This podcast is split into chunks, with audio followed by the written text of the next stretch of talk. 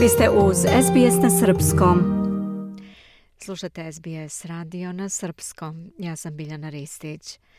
Vlada Antonija Albanizija je po dolasku na vlast najavila da će joj prioritet biti rešavanje problema nagomilanih zahteva za izdavanje viza, što produžava vreme čekanja preduzećima i pojedincima kojima je očajnički potrebna kvalifikovana radna snaga – iz Ministarstva unutrašnjih poslova izjavili su za SBS News da razvijaju kapacitete da bi se ovaj težak zadatak izveo preusmeravanjem resursa i dovođenjem više radnika, ali to ne znači da će se problem time lako rešiti. Za SBS izveštava Tom Steiner.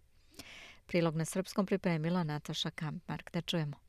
Inženjer iz Jemena, Abdo Gamal Taher, svojom se profesijom bavi u Nairobiju u Keniji, nakon što je svoju zemlju napustio zbog rata. Kaže da sanja o tome da svoje umeće prenese u Australiju. It, it is a golden chance, it is a golden opportunity. To je zlatna prilika, zaista zlatna, jer nećemo biti na teretu australijskoj ekonomiji i australijskom narodu, jer ćemo privređivati. Podneo je zahtev za vizu kojom su ciljani diplomirani inženjeri još u maju 2019. godine ali još uvek čeka na odobrenje vize, iako Australiji očajnički treba još kvalifikovanih inženjera. The reason is we are trying to raise our voice is just because the process is completely slow. Razlog zašto pokušavamo da dignemo glas jeste samo zato što je proces izuzetno spor. Podnosioci viza su zadržani, zarobljeni su, dok od njih možete imati korist, što je sada najvažnije. Kašnjenje u obradi viza dugoročna je posljedica pandemije COVID-19, pošto su resursi u okviru Ministarstva unutrašnjih poslova bili usmereni na sprovođenje zatvaranja međunarodne granice Australije. Nagomilane prijave sada podstiču novu vladu da interveniše.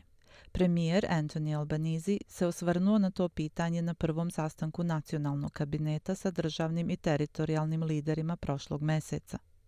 We have put people uh, from other duties uh, into trying to clear the visa backlog. Preusmjerili smo ljude sa drugih dužnosti da pokušaju da nadoknade za ostatak u obradi viza, što je očigledno nešto što je neophodno i što je najlakši način da se stanje odmah popravi.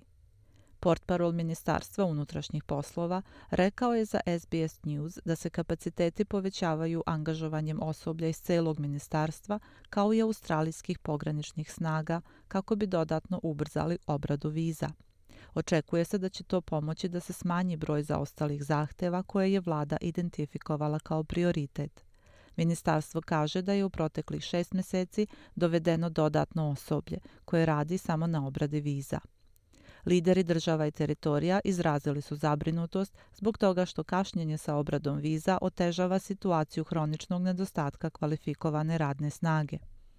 Joyce Candico kaže da je njegov salon u Melbourneu među onim preduzećima kojima su potrebni stručnjaci sa radnom vizom. If we can get some support from the government to get some more hairdressers here at home would make it so Ako možemo da dobijemo neku podršku od vlade, da dovedemo još frizera ovde, to bi nam kao preduzeću mnogo pomoglo da nastavimo da rastemo i da delimično nadoknadimo gubitke koje smo pretrpeli tokom dve godine kada smo bili zatvoreni. Fiona Simpson, predsjednica Nacionalne federacije poljoprivrednika, kaže da se poljoprivredni sektor također suočava sa nedostatkom radne snage.